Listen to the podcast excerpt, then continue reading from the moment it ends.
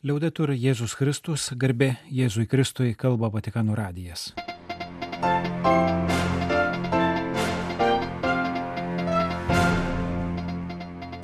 Malonus klausytojai šioje programoje. Pristatome popiežiaus ir kitų pagrindinių pranešėjo pastabas pirmojoje biskupų sinodo apie senodiškumą darbo sesijoje. Apaštališkojo paraginimo laudate Deo antrosios dalies apžvalga.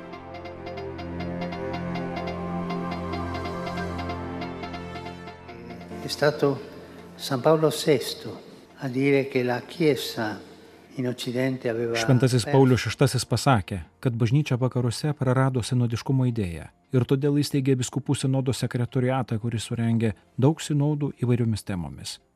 Tačiau sinodiškumo išraiška bažnyčioje vis dar nesubrendo. Toliau einame šiuo keliu.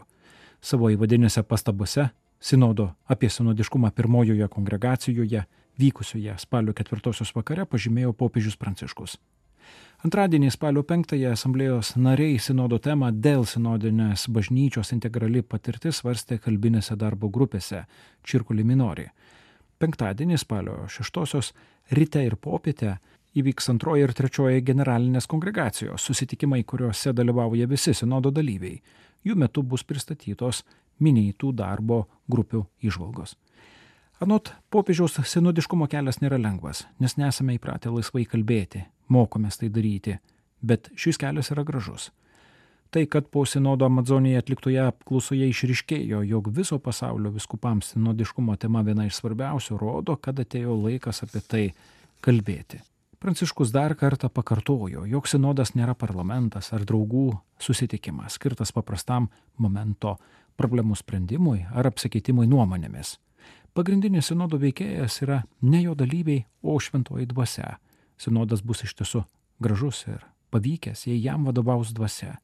O jei bus kalbama apie žmogiškus asmeninius ar ideologinius interesus, tai nebebus sinodas, bet parlamentas, kažkas kito.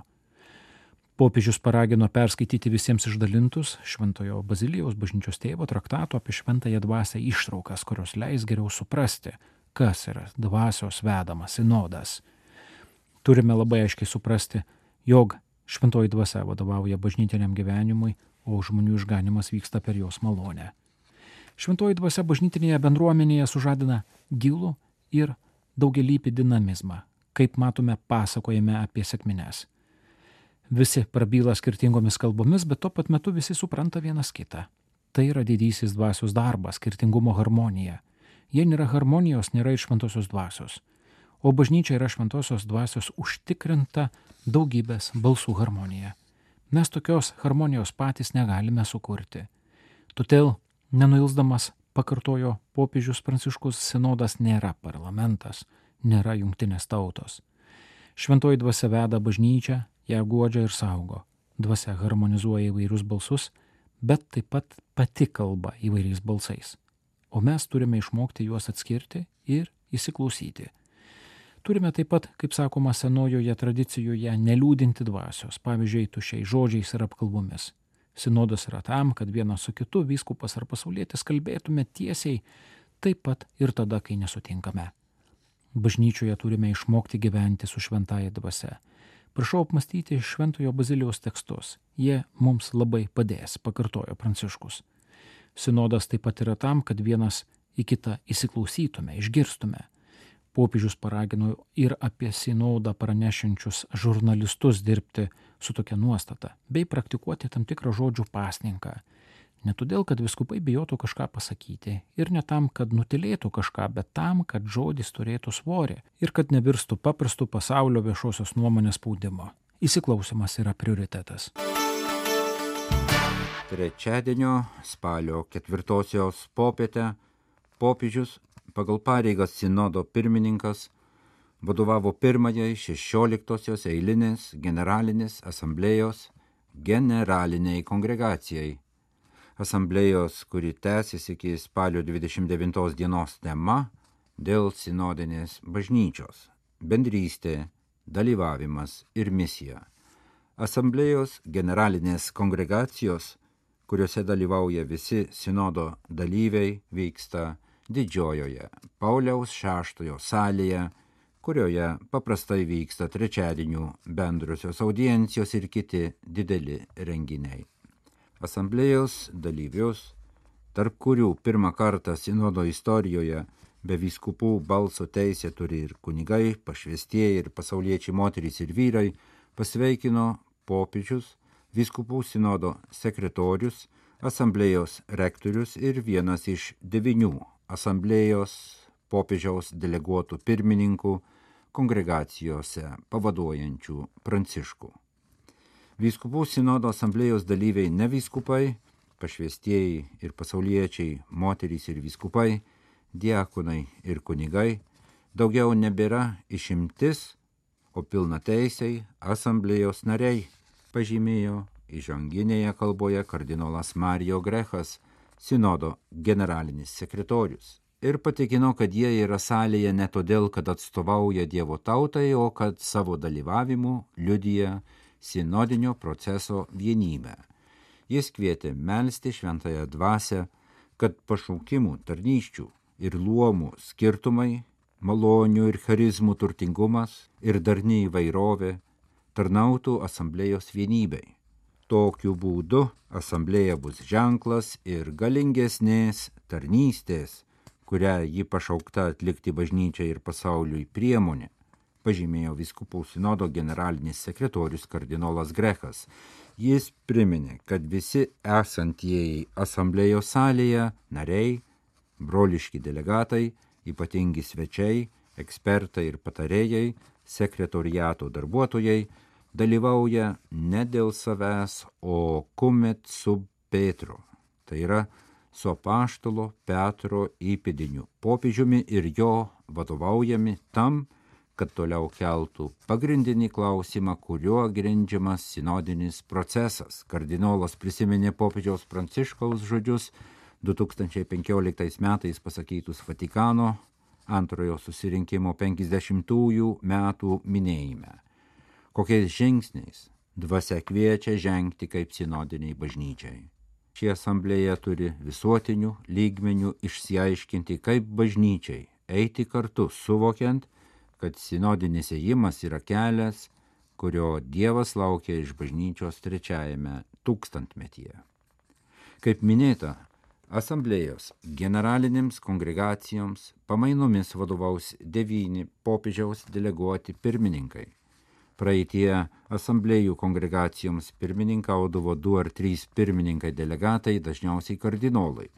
Tarp devinių pirmininkų delegatų, kurie pirmininkaus iki šios spalio pabaigos vyksiančios asamblėjos generalinėms kongregacijoms, yra viena pašvestojo gyvenimo pasaulietė iš Japonijos, viena vienuolė iš Meksikos, kunigas iš Italijos, du vyskupai iš Mozambiko ir Junktinių Amerikos valstijų, trys arkivyskupai iš Australijos, Ekvadoro ir Meksikos, pastarojo miesto arkivyskupas taip pat yra kardinolas, ir vienas patriarchas iš Egipto, Aleksandrijos koptų bažnyčios vadovas ir koptų katalikų bažnyčios sinodo galva Ibrahimas Izakas Sedrakas. Patriarchas, kaip vyriausias pagal luomą iš popiežiaus pirmininkų delegatų, taip pat kreipėsi į asamblėjos narius ir svečius pirmojoje generalinėje kongregacijoje. Jis pasidžiaugė visos Dievo tautos ir visų asamblėjos dalyvių vardu už sinodo suteiktą susitikimo ir ėjimo kartu malonę. Patriarchas atviravo, jog nors pirmoji pasirengimo sinodui fazė atvedusi iki asamblėjos buvo nelengva, ėjimas kartu, klausimasis, ką sako dvasia, vyko be maršruto ar iš anksto nubrėžto kelio, o kelias aiškėjo tik vienai dienai keičiant kitą. Antra vertus, tai buvo nepaprasta patirtis, padovanota šventosios dvasios, kuri leido išgyventi sinodiškumą, dar nepradėjus apie tai diskutuoti.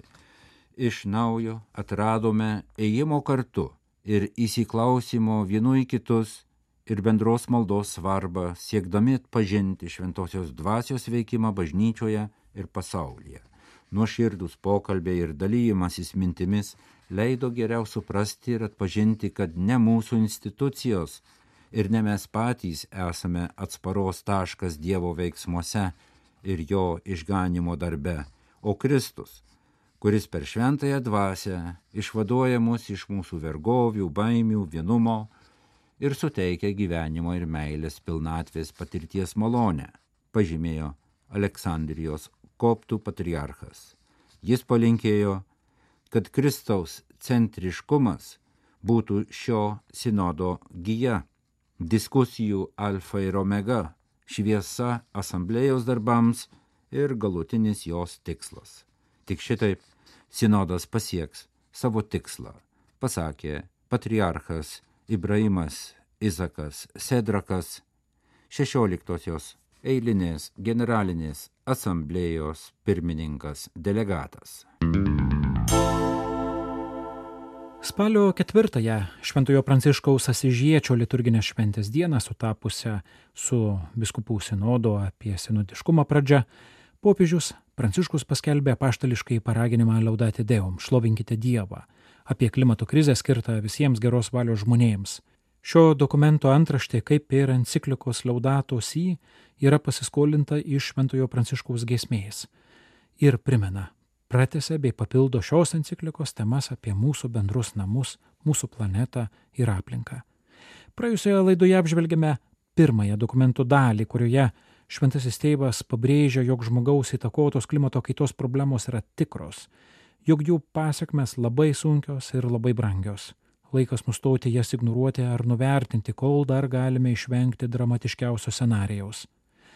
Pranciškus taip pat rašė apie technokratinę paradigmą, atskiriančią žmogų nuo jo aplinkos, pastarąją suvokiančią tik kaip išnaudotiną objektą, kuriančią iliuziją, jog žmogus viską gali išspręsti technologiniu ir ekonominiu augimu. Vietoj to reikia žmogaus ir aplinkos, gamtinių ir socialinių sistemų dermės sampratos. Šioje laidoje kitos apaštališkajame paraginime liaudate Deum palistos temos - tarptautinės politikos, silpnumas jungtinių tautų konferencijos apie klimatą ir iš tikėjimo kylantis motyvai - reaguoti į aplinkos degradavimą dėl žmogaus veiklos. Norint pasaulyje užtikrinti ilgalaikį ir tvarų augimą, o tai uždavinys kiekvienai kartai, reikia daugia šalių susitarimų tarp valstybių. Tuo tarpu šiandien daugia šališkumas yra patekęs į krizę. Daugia šališkumo nereikia painioti su pasauliniu autoritetu koncentruotų viename asmenyje arba vienoje elito grupėje. Daugia šalės pasaulinės organizacijos turėtų turėti realų autoritetą, leidžiantį įgyvendinti netidėliotinus tikslus, nepriklausomai nuo kintančių politinių aplinkybių ar nedidelių grupių interesų. Anot Pranciškaus vietoj seno daugia šališkumo gelbėjimo reikėtų jo pertvarkymo dabartinėje globalioje perspektyvoje, žinant, jog atsakymai gali būti surasti ir mažoje valstybėje. Panašiai reikia ir senosios diplomatijos pertvarkymo. Jis taip pat priminė spontaniškai gimstančias iniciatyvas iš apačios, kurios kompensuoja tarptautinės bendruomenės politikos silpnumą bei trūkumus. Vidutinėme laikotarpyje tokių iniciatyvų, lemtų kultūrinių mainų, vienas kito pažinimo ir integracijos, o ne galios elito sprendimo bus daugiau. Pasaulis tampa tokiu daugiapoliu ir sudėtingu, jog veiksmingam bedradarbiavimui reikia kitokių rėmų. Neužtenka galvoti apie jėgų pusiausvyrą. Būtina taip pat reaguoti į naujus iššūkius, pasauliniais mechanizmais atsakyti į aplinkos, sveikatos, kultūros ir socialinės problemas, ypač siekiant įtvirtinti pagarbą pagrindiniams žmogaus teisėms, socialiniams teisėms ir rūpinimuisi bendrais namais. Rašo popiežius Pranciškus, anot kurio reikia institucijų, kurios rūpinasi visų, o ne vien stipriausių jų teisėmis. Dar viename tematinėme skyriuje Pranciškus apžvelgė konferencijas apie klimatą kuriuose dalyvauja ko ne 200 valstybių atstovai. 1992 metais Rio dažinėje buvo priimta Junktinių tautų konvencija apie klimato pokyčius, o dabar kasmet rengiamos ją prieimusių šalių konferencijos COP, kai kurios iš jų leido žengti svarbius žingsnius, kaip kad 1997 Kyoto COP3 arba 2015 m. Paryžiaus COP21 konferencijos, kai kurios konferencijos didesnių vaisių nedavė. Konferencijų metu įvardintos atsakomybės ir užduotės, nustatyti įsipareigojimai jų įgyvendinimui ir patikrinimui skirti mechanizmai. Deja, įsipareigojimai dažnai nėra gerbiami ir nėra mechanizmų, kurie iš tiesų galėtų užtikrinti jų gerbimą. Pastarėjai keli metai paženklinti pandemijos sukeltos sveikatos ir ekonomikos, taip pat karo Ukrainoje krizių pasižymėjo ir energijos krize bei sugrįžimu prie didesnio anglės naudojimo ir šiltnamio efektą keliančių dujų išmetimo. Tačiau negalima pasiduoti pesimizmui, prarasti tikėjimą žmogaus sugebėjimais, toliau bloginti vargšų situaciją, nustoti mąstyti apie perėjimą prie švarių energetinių sistemų. Rašydamas apie būsimą konferenciją apie klimatą Dubajuje, COP28, pažymė popiežius, dar kartą primindamas, jog sprendimai negali būti vien techniniai, technologiniai, atskirti nuo žmonių ir visuomenių nuostatų, elgesio bei problemų. Reikia plataus žvilgsnio, kuris nėra nei aplinkosauginis romantizmas, nei visuomenių paliktas tuštumas užpildančios vadinamosios radikalų grupės, o suvokimas, jog kalbame apie kiekvienos šeimos ir jų vaikų ateitį. Popiežius palinkėjo, kad šiuo požiūriu COP28 Dubajuje taptų istoriniu susitikimu. Paskutiniajame apaštališkojo paraginimo Laudate Deum apie klimato krizę skirtą visiems geros valios žmonėms skyriuje, popiežius Pranciškus trumpai apžvelgia iš krikščioniško tikėjimo kylančius motyvus mėgsti gerus ir teisingus santykius su kitais bei su aplinka, ragindamas apie tai svarstyti ir kitas religijas išpažįstančius mūsų brolius bei seseris. Krikščioniškojoje perspektyvoje kūrinyje yra Dievo dovana, protu apdovanotam žmogui kuris turi gerbti gamtos dėsnius ir trapę pusiausvyrą tarp pasaulio būtybių. Kaip papaštališkojo paraginimo pradžioje, taip ir pabaigoje Pranciškus pabrėžia Jėzaus dėmesį gamtai, nuostabą ir žavėjimąsi jos gružiu ir jos būtybėmis. Pasak viešpaties, net Saliamonas pačioje savo didybėje nebuvo taip pasipuošęs kaip paprastos lauko lelyjos. Prisikilusysis slėpiningai apgleibė ir orientuoja ne vien žmogų, bet ir visą kūrinyje link ateities pilnatvės. Krikščioniška ir judėjiška samprata pabrėžia ypatingą žmogaus vertę ir jo centrinę vietą, bet šiandien būtina pridurti, jog žmogaus gyvenimas nesuprantamas ir neįmanomas be kitų kūrinių. Visos visatos būtybės yra susijėtos nematomais saitais ir sudaro vieną šeimą. Laikas atsisakyti savo pakankamo visagalių ir neriboto žmogaus idėjos ir taip permastyti save, kad suprastume save kukliau, bet ir turtingiau, plačiau, pažymė Popiežius Pranciškus, kviesdamas kiekvieną eiti susitaikymo su mūsų supančiu pasauliu keliu, nacionalinėje ir tarptautinėje politikoje priimti toleregius sprendimus, o pasikeitimus įtvirtinti kultūros, socialinių nuostatų ir įpročių pokyčiais. Šlovinkite Dievą. Toks yra šio laiško pavadinimas, nes žmogiška būtybė, pretenduojanti pakeisti Dievą savimi, tampa didžiausių pavojų savo pačiai Paskutinėje dokumento eilutėje rašo popiežius Pranciškus.